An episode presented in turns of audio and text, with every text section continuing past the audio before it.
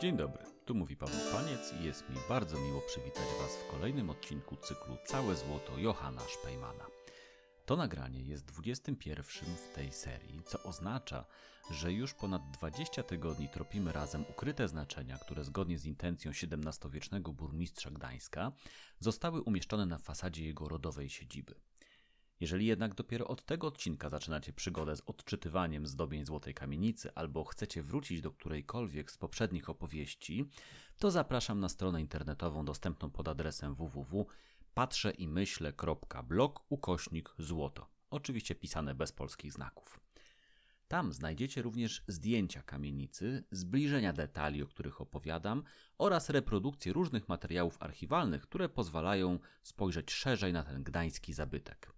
Możecie także wysłuchać odcinków tego cyklu w ramach podcastu dostępnego na kanale Patrzę i Myślę w serwisie Spotify albo na kanale YouTube Stowarzyszenia Promkultura. Oczywiście mam nadzieję, że poza skorzystaniem ze strony internetowej, cykl ten zachęci Was do odwiedzenia Traktu Królewskiego w Gdańsku i że będziecie podziwiać bezpośrednio skarb, który zainspirował mnie do stworzenia tej serii opowieści o historii, sztuce i kulturze. A wszystko to jest możliwe za przyczyną niezwykłego człowieka, Johanna Szpejmana, postaci nietuzinkowej, ale trochę zapomnianej.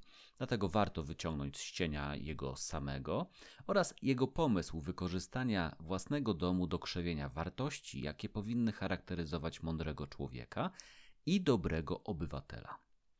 Omówiłem wcześniej kontekst historyczny, dzieje samej kamienicy oraz jej architekturę w ogólności. Wiele odcinków poświęciłem bohaterom po piersi i płaskorzeźb wykonanych wedle programu stworzonego pod dyktando Johanna Szpejmana.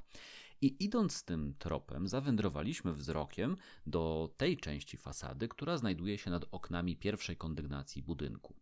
Tam, po prawej stronie, zaraz przy skraju kamienicy, znajduje się kamienna głowa mężczyzny o śniadej cerze i kędzierzawych włosach, podpisana Scipionum, a właściwie to Scipio Num, czyli po polsku Scypion Numantejski.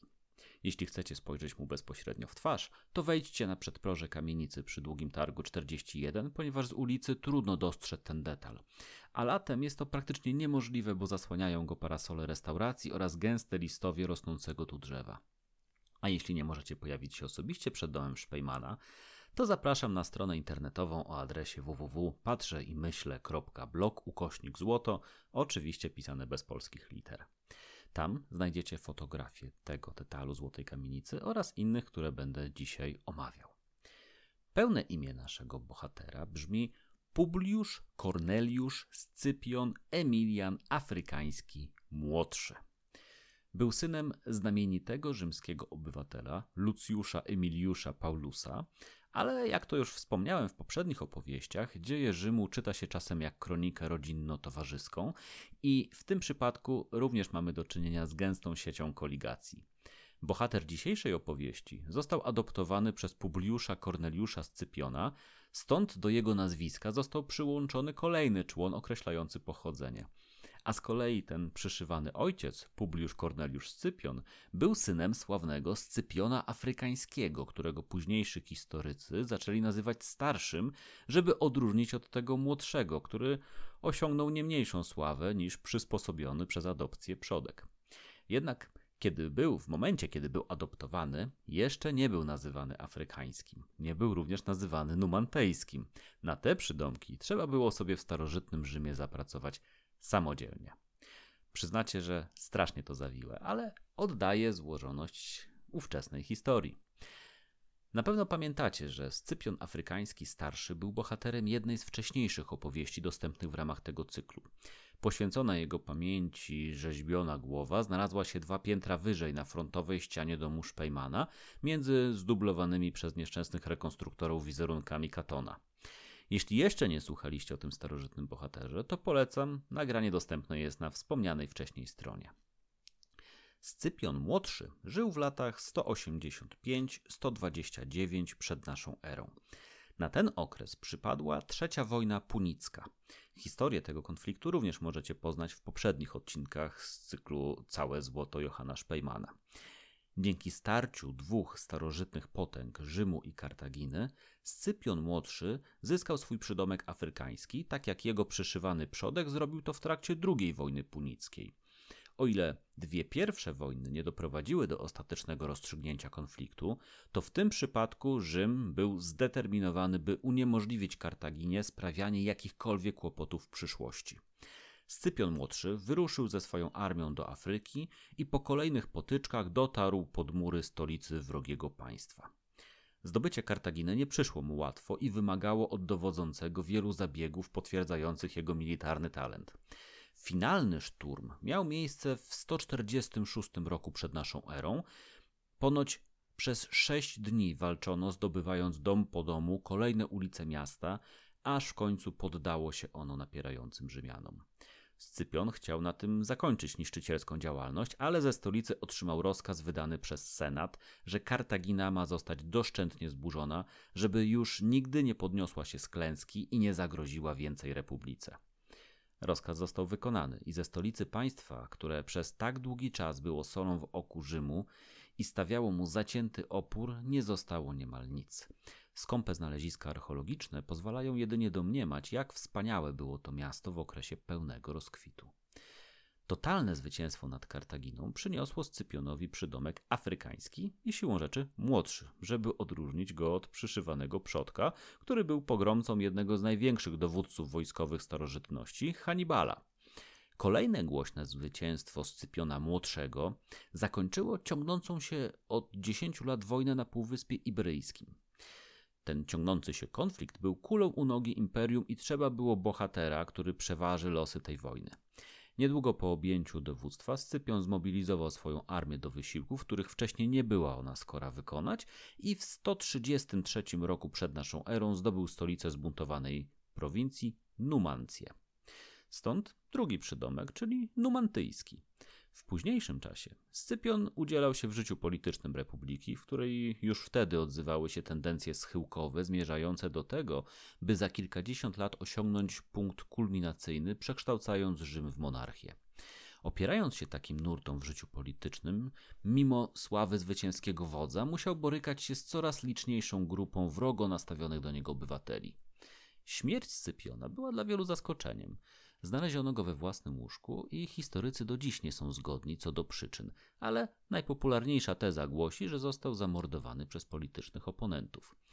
Fakty takie jak kolejne zwycięstwa na polu bitwy, sprawowane urzędy cywilne czy inicjatywy mające na celu utrzymanie równowagi w coraz bardziej polaryzującym się społeczeństwie rzymskim to jedna część opowieści.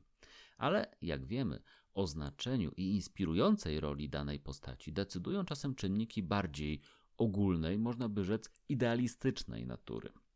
Po piersie Scypiona Numantyjskiego zostało umieszczone w osi posągu alegorii umiarkowania, czy też wstrzemięźliwości, i była to cecha, która jest podkreślana przez biografów tej postaci. Scypion należał do grupy najbardziej możnych i wpływowych obywateli Rzymu.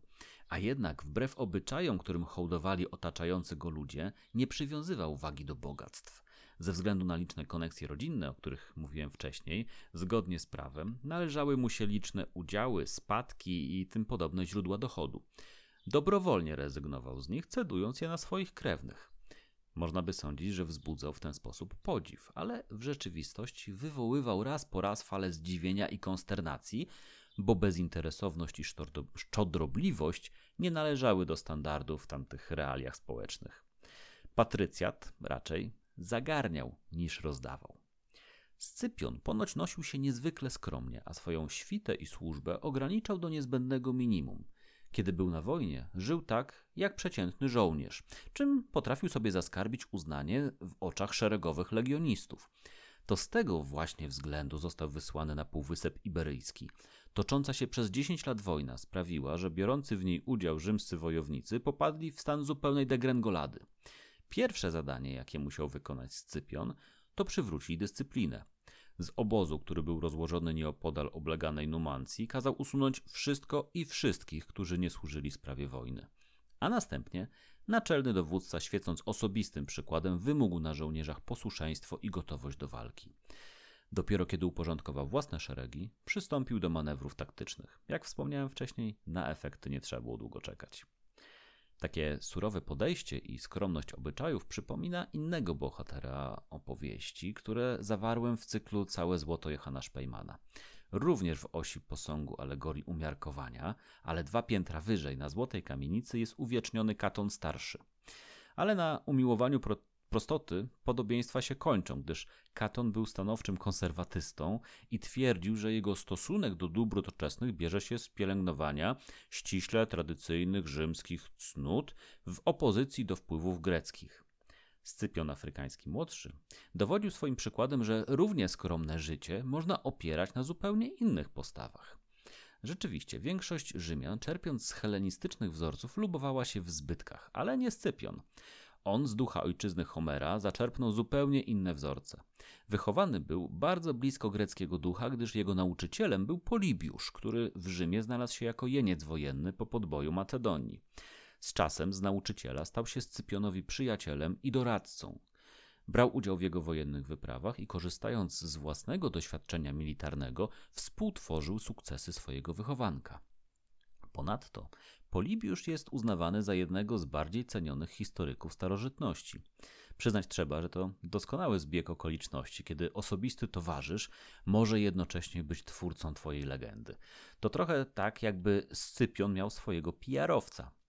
To dzięki Polibiuszowi Scypion wyrósł w duchu umiarkowania i opanowania namiętności, gdyż Polibiusz był praktykującym stoikiem, czyli wyznawcą kierunku filozoficznego, który zalecał swoim adeptom taką właśnie postawę, na którą składał się dystans wobec świata, ale jednocześnie czynne realizowanie swoich powinności i pielęgnowanie duchowych, moralnych sprawności, czyli cnót. Jak wiecie z wcześniejszych odcinków tego cyklu, to właśnie stoicyzm był podstawą światopoglądu Johanna Szpejmana i wielu ludzi tamtej epoki. To zapewne obok niezwykłych osiągnięć militarnych i oddania ojczyźnie zdecydowało o umieszczeniu Scypiona na Złotej Kamienicy. Stoicyzm był kierunkiem filozoficznym opartym o racjonalizm, i to zarówno jeśli rozumiemy racjonalizm jako postawę człowieka, jak również racjonalizm w sensie metafizycznym. Innymi słowy, stoicy wierzyli, że prawa rządzące wszechświatem to prawa rozumu i rozum ludzki, będąc częścią kosmosu, jest w stanie te prawa prawidłowo odczytywać. Polibiusza i Scypiona łączyło też pewne przekonanie o charakterze historiozoficznym. Twierdzili, że dzieje świata nie są prostą linią rozciągniętą wzdłuż osi czasu, ale historia zatacza cykliczne kręgi, a wszystkimi wypadkami rządzi nieubłagane fatum. Los jako ostateczny arbiter rzeczywistości. Przywołuje się scenę, w której Scypion, po tym jak wykonał rozkaz Senatu i zrównał z ziemią Kartaginę, spojrzał na swoje dzieło i zapłakał. Rozpacz wywołało w nim przeczucie, że tak jak teraz w gruzach legło jedno imperium, taki sam los spotka Rzym. Będzie to wtedy, kiedy historia zatoczy swoje kolejne koło. Od tego nie da się uciec. Taka jest bezwzględna zasada rządząca wszechświatem. Mając na uwadze taki obraz z życia Scypiona Numantyjskiego, spójrzcie na szczyt Złotej Kamienicy. Stoi tam posąg personifikujący fortunę. Fortuna kojarzy się nam często z pomyślnym zdarzeniem, a fatum ze złym losem. Ale przypomnijcie sobie powiedzenie o kole fortuny. A zatem Szpejman nie wywindował fortuny na najwyższy punkt swojego domu, by zjednać sobie pomyślność, ale by powiedzieć, że ma ona nad nami najwyższą władzę. Raz na wozie, raz pod wozem. Stoicyzm to sztuka akceptacji rzeczywistości takiej, jaka ona jest. Stoicyzm to trening zmierzający do przygotowania się na zmienne koleje losu. Jednego dnia Rzymianie burzą Kartaginę, a innego brodaci, brodaci najeźdźcy plądrują wieczne miasto. Stoicki mędrzec nie rozdziera w tej sytuacji szat, ale znosi spokojnie i ze zrozumieniem tak samo pomyślność, jak i przeciwności losu. Poddanie się losowi jest bardzo istotnym przesłaniem płynącym z dekoracji domu Szpejmana. Mówi nam o tym nie tylko po piersie Scypiona Afrykańskiego Młodszego i nie tylko fortuna na szczycie, ale również jeszcze jeden szczegół. Trudno go dostrzec. Trzeba podejść prawie do samego budynku i spojrzeć na belkę nad drzwiami wejściowymi. Jest tam prawie niewidoczny napis: Virtutem ama et beabit, premere vis opprimet. Czyli pokochaj cnotę, a cię uszczęśliwi. Będziesz uciskał, to cię zgniecie. Można to odczytać jako parafrazę innego stoickiego powiedzenia pochodzącego od Seneki. Ducunt fata volentem, nolentem trachunt. Chętnych los prowadzi, opornych ciągnie. W tym przypadku cnota to poddanie się porządkowi wszechświata, życie w zgodzie z jego rozumnym układem. Sprzeciwianie się wyższemu porządkowi nie ma sensu. Mędrzec to rozumie. Od Polibiusza, mentora i przyjaciela Scypiona Numantyjskiego, możemy zaczerpnąć jeszcze jedno zdanie z dziejów. Nie masz bowiem dla ludzi żadnego łatwiejszego sposobu doskonalenia się, jak poprzez wiedzę o czynach przeszłości.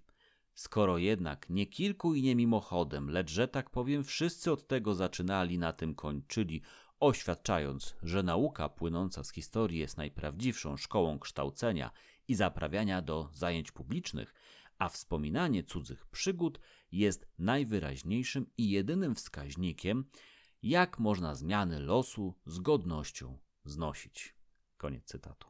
Krótko mówiąc, historia jest nauczycielką życia i stoickiej postawy, bo pozwala przygotować się na zmienne koleje losu. Czy nie o to właśnie chodziło Szpejmanowi, kiedy układał program dekoracji zewnętrza swojego domu? Z pewnością. A zatem korzystajmy i uczmy się, licząc się z tym, że historia lubi się powtarzać. Kto wie, może Szpejman, patrząc na szczytowy moment rozwoju swojej ojczyzny, miasta Gdańska, zapłakał nieraz jak Scypion przeczuwający zbliżający się upadek Rzymu. Kto wie? Kto wie? Dzisiaj dziękuję już Wam za uwagę i zapraszam na kolejne spotkanie. Tutaj historia też się powtarza. Każdy nowy odcinek pojawia się na stronie www.patrzeimyśle.blog ukośnik złoto, oczywiście pisane bez polskich liter, a także na kanale Spotify Patrzę i Myślę i kanale YouTube Stowarzyszenia Prom Kultura. Na wspomnianej stronie internetowej znajdziecie również zdjęcia detali zdobień z fasady Złotej Kamienicy, dzięki czemu omawiane tu zagadnienia ukażą się Wam naocznie, nawet jeśli nie możecie akurat wybrać się do Gdańska na długi targ. Zapraszam i do usłyszenia.